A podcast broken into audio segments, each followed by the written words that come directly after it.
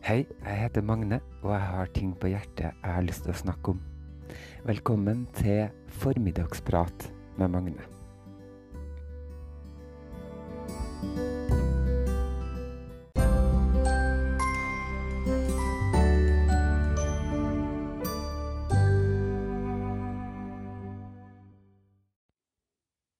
I dag tenker jeg på pappa. Jeg har så mange gode, fine minner med han.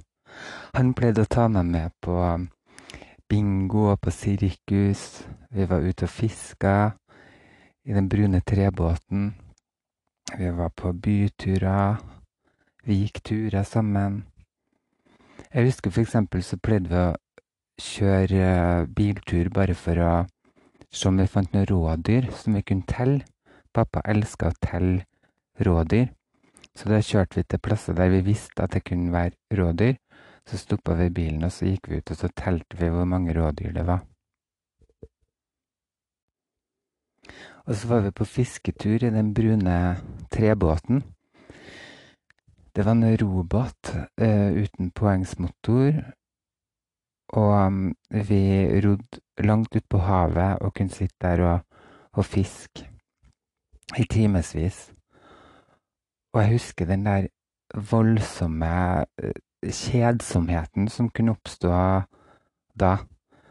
Men nå tenker jeg jo på det som et vakkert minne, og savner det å kunne sitte i en brun trebåt noen ganger midt ute på havet. Og så var vi på alt som var av bingo, basarer og tombola og, og alt sånn. Og um, en gang når jeg var liten, så husker jeg at jeg vant en diger spekeskinke, og den snakka folk i bygda om i årevis etterpå. At det var jeg som hadde vunnet den. Og så tok pappa meg med på byturer til Trondheim. Jeg er jo vokst opp i en bitte liten bygd, så for meg å komme til Trondheim, det var så eksotisk. Å kjenne lukta av eksos og, og byliv. Og så var vi på et um, kjøpesenter som het for EPA på 80-tallet. I tredje etasjen der så var det en sånn um, kafeteria med store, flotte smørbrød med masse persille på toppen. Jeg kjenner enda smaken av de smørbrødene som var iskalde, og med salat egg og tomater. og Og en av de dagene vi var på en av de byturene, husker jeg at vi gikk på Bakkebro. Og da var det brann på Nedre Elvehavn, der som Solsiden eh, er nå, da. Da sto vi og så på denne brannen. Jeg tror det måtte være i 85, kanskje. Og sirkus var den årlige begivenheten pappa tok med meg på sirkus. Vi måtte kjøre en times tid til Åfjorden. Da var det sirkus, og det var også veldig eksotisk og flott å være med på. Og så husker jeg det var en gang at det var en sånn eh, italiensk trampolineklovn, klovnemann, som for å hoppe på de her trampolinene, så klatra han opp i sånn høyt tårn og hoppa ned mange meter på en trampoline.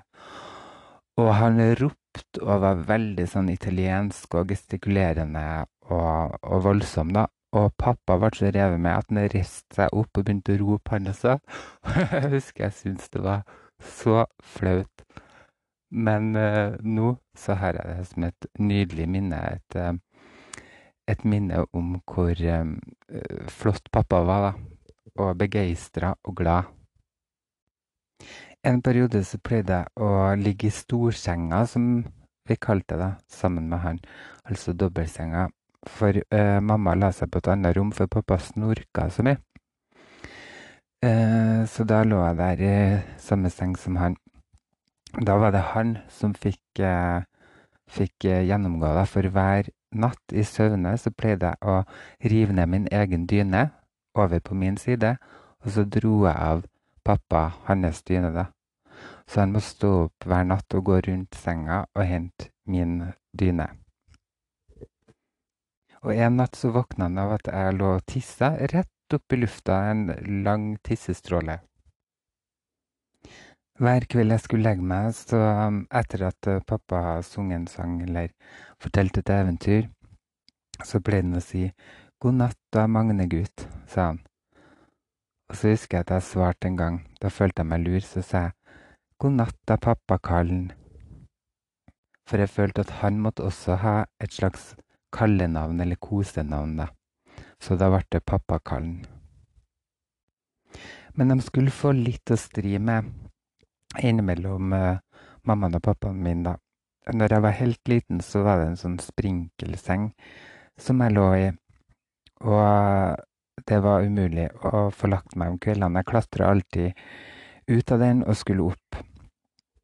Og de hadde prøvd med belte, belter for å tjore meg fast med og alt mulig, men det hjalp ikke. Jeg klarte å komme meg ut. Jeg var en sånn utbryterkunstner. Houdini nærmest var, var i en slags fødsel der da jeg kunne fortsette det som en karriere, kan jeg tenke meg. Men mamma hadde triks innimellom, og det var at hun fikk besøk av en venninne som jeg syntes var veldig skummel. Hun hadde et glassøye og hun var grav alvorlig. Og mamma sa at hun hata unger. Så når hun skulle komme på besøk, da var jeg villig til å legge meg. Da sprang jeg til senga og la meg. Senere i livet så skulle Gunvor, en fantastisk historiefortellerdame, fortelle meg en historie om, uh, om denne dama. For uh, i gamle dager når hun var yngre, da, så var hun taus på en gård og passa en masse unger på en sånn stor, stor gård. Og da var det en uh, dag da at Eller det var altså uh, sankthansaften.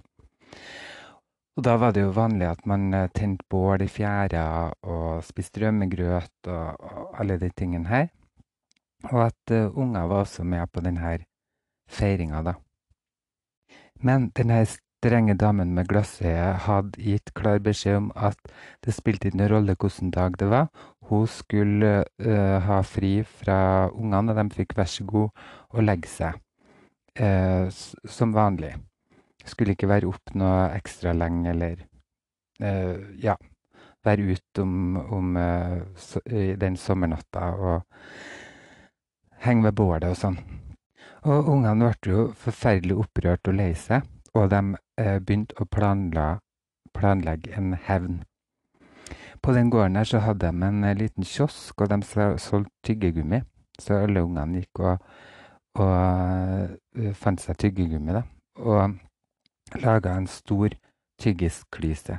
Så snek de seg inn på rommet til damen med glassøye. Eh, åpna ene skuffa hennes, hvor de visste at de fineste trusene hennes lå. Og der plasserte de en god og saftig tyggisklyse midt i, nedi den trusa hennes. da. Og dagen etterpå så skulle hun eh, til kavaleren sin, eh, ut på frieri, holdt jeg på å si, og så måtte hun sykle langt for å komme dit, da.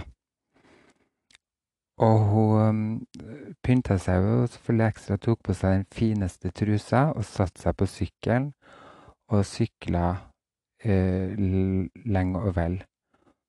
Og du kan jo bare tenke deg da, så godt eh, innarbeida den eh, flotte tyggisklysa integrerte seg nedi der. Og det skal være sikkert at hun ble ikke noe mer glad i unger etter den hendelsen der. Men tilbake til meg og pappa. Vi var en gang på vår årlige sirkustur, og vi hadde kommet altfor tidlig, så vi hadde noen timer å slå i hjel. Og da skulle vi dra og besøke en eldre dame som bodde like i nærheten. da. Og når vi kom inn på gårdsplassen hennes, så sto det ambulanse der, og jeg husker at jeg så en båre som ble øh, trilla ut, og der lå hun eh, steindød. Det tror jeg var mitt første møte med døden som jeg kan huske på sånn ordentlig. Og senere en gang så skulle jeg og pappa besøke um, ene broren hans, da, onkelen min. Og da uh, fant pappa han uh, død over, uh, over kjøkkenbordet. Og jeg måtte vente hos naboen mens, mens politiet og likbilen og sånn kom, da. Når jeg var ni år, så tok eh, broren til mamma livet sitt. Og da var det også pappa som eh, reiste ut og fant han. Jeg husker jeg fikk ikke vite så mye om de her tingene, men pappa forholdt seg alltid veldig sindig og rolig i forhold til det her med døden. Det var også noen som fortalte en gang at han hadde vært på besøk til en til en dame, da. Og satt og drakk eh, kaffe og skulle henge opp en kopphåndduk, og så plutselig så segner hun om og ramler eh, rett i armene på pappa da, og dør. Og det var helt uforventa. Så var pappa var i nærkontakt eh, med døden stadig vekk, og jeg husker også han pleide å fortelle meg historier fra, fra han var liten, Pappa pleide å ligge og hvile middag på sofaen. Og da pleide jeg å lure meg opp i til og ligge i armkroken hennes og be henne om å fortelle meg historier, da. Og da eh, fortalte han mye om at eh, Jeg husker at han ramla ned i en tom silo en gang, f.eks., og det jo nesten skulle jo være umulig å, å overleve, men det gjorde han altså. Og uh, han har fått en øks i hodet av broren sin en gang. Og ja, det er mange, mange sånne historier. Og uh, litt seinere i livet, da når pappa var gammel og bodde på, på sykehjemmet, så møtte jeg altså Gunvor på butikken. Og hun spurte ja, hvordan går det med, med en Willy. Og så sier jeg nei, han har ramla og slått seg og er på sykehuset nå da til utredning. Og så sier hun ja, han Willy, han har ramla mye i sitt liv. Og så begynner hun å fortelle meg den ene historien etter den andre.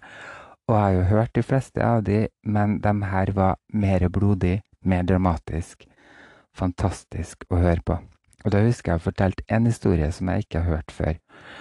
Og det var at eh, pappa han var dreng på en eh, gård en gang, og så skulle de jage inn noen griser i et fjøs.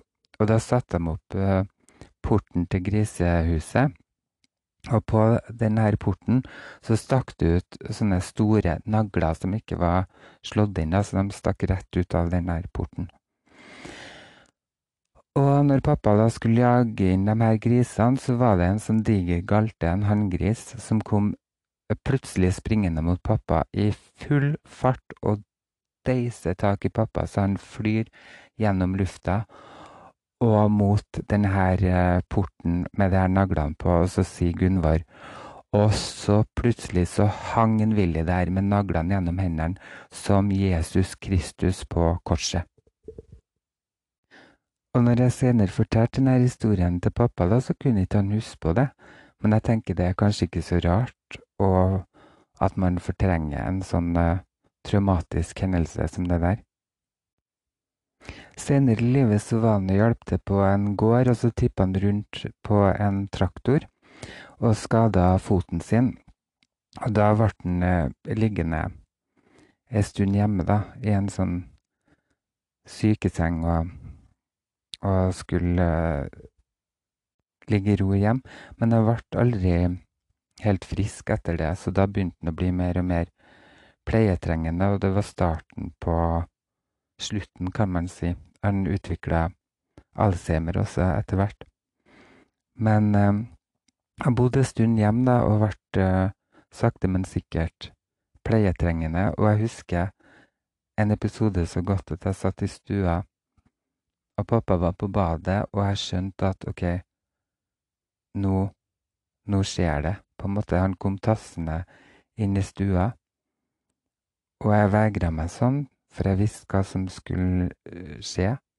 Og da kommer han, og så spør han meg om jeg kan hjelpe han å stelle han, da. Og først så syntes jeg at det var litt sånn ubehagelig. Men så tok jeg meg sammen, og så tenkte jeg Pappa hadde uh, stelt og ordna meg når jeg var liten. Han hadde hatt omsorg for meg og hjulpet meg når jeg trengte det. Og nå var det min tur. Nå måtte jeg hjelpe han. Så etter hvert så ble det sånn at hver fredag hadde vi vaskedag, og jeg fylte opp badekaret. Og jeg vaska og stelte uh, pappa, da. Og han tok imot hjelp med glede, og det var aldri noe flaut eller ubehagelig. Så det fortsatte jeg med også når han senere flytta til sykehjemmet. da, Så når jeg var på besøk der, så tok han med på do, og jeg liksom Ja, jeg hjalp til da med å stelle og ordne han, og det var helt naturlig og fint. Og jeg husker så godt, for pappa var så um, utrolig glad i folk og sosial uh, vesen, egentlig. Men så kom han på gamlehjemmet, og han uh, gjorde ikke noe motstand mot å flytte dit. Men etter hvert så fikk han litt dårlig hørsel og ble dårlig til beins og sånn, så det var ikke like lett å kommunisere med andre. Og, og sånn da. Men når jeg kom på besøk, så satt vi og spilte kortspill hele dagen og trengte ikke å snakke hele tida. Og jeg så at han øh, kosa seg med det, da. Og jeg husker når jeg kom dit, så sto døra på rommet hennes åpen, og han satt synlig da i lenestolen sin. Og jeg kunne komme i døråpninga, så så jeg at han satt der med litt sånn senka hode og kanskje kjeda seg. Men så løfta han hodet og fikk øye på meg, og da stråla han opp som en sol og ble så glad. Og det er en av de vakreste minnene som jeg har med meg. Og på slutten, når han skulle dø, så, så kjempa han veldig. Da lå han og svetta og kava og pusta fort og tungt i, i senga. Og jeg husker når jeg var der, så måtte jeg tørke svette av panna hans hele tida. Og eh, ja, og de siste dagene så lå han sånn, i hvert fall de siste, siste par dagene, sånn som jeg kan huske det. da. Så kom jeg inn dit og, og jeg satt og snakka med en av sykepleierne. Og vi prøvde å, å liksom ha en samtale og sånn mens jeg satt og holdt pappa i hånda og tørka svette av og til. Og vi har vent oss til den her voldsomme pustinga, men plutselig så tok han et sånn der stort, rart åndedrag, og så ble det stilt. Og jeg skjønte jo ikke, jeg trodde bare han det var en liten pause, men jeg så øynene på sykepleieren. For da kom det tårer, og da skjønte jeg at hun skjønte at nå var det slutt. Og når det skulle planlegges begravelsen hans, så var det bare én dag at det passa ordentlig for alle, og det var på min 30-årsdag. Og jeg liker å tenke på at det var han sjøl som tilrettela for det på en måte som en siste hilsen til meg. Jeg skal lese en eh, tekst som jeg skrev på Facebook noen år etterpå. I dag må du finne frem paraplyen, Magne. Det ser ut til at det blir regn, sier Facebook til meg i dag. Jeg liker ikke paraplyer, de bare vrenger seg og er i veien. Når det først regner, kan jeg like godt kjenne det skikkelig. Jeg drømte om pappa i natt, at han levde enda og at jeg fikk sitte og holde han i hendene. Først holdt jeg tilbake, ville late som om alt var bra. Jeg holdt opp en mental paraply. Men så klarte jeg ikke mer, så pappa inn i øynene og sa, det er så rart dette, at vi en dag bare skal forsvinne og aldri mer komme tilbake. Og all sorgen over å skulle miste han skyldte med ett over meg. Og pappa tok tak i meg og sa, Pappakallen – er alltid her og vil alltid være her. Han holdt rundt meg og gråt sammen med meg.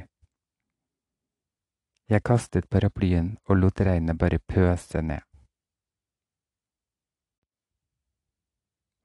Og jeg tenker når jeg ser på bildet av han, at jeg er så glad for at han har vært pappaen min, og jeg har kjent han, og jeg er en del av han, og kan eh, ta smilet hans med videre.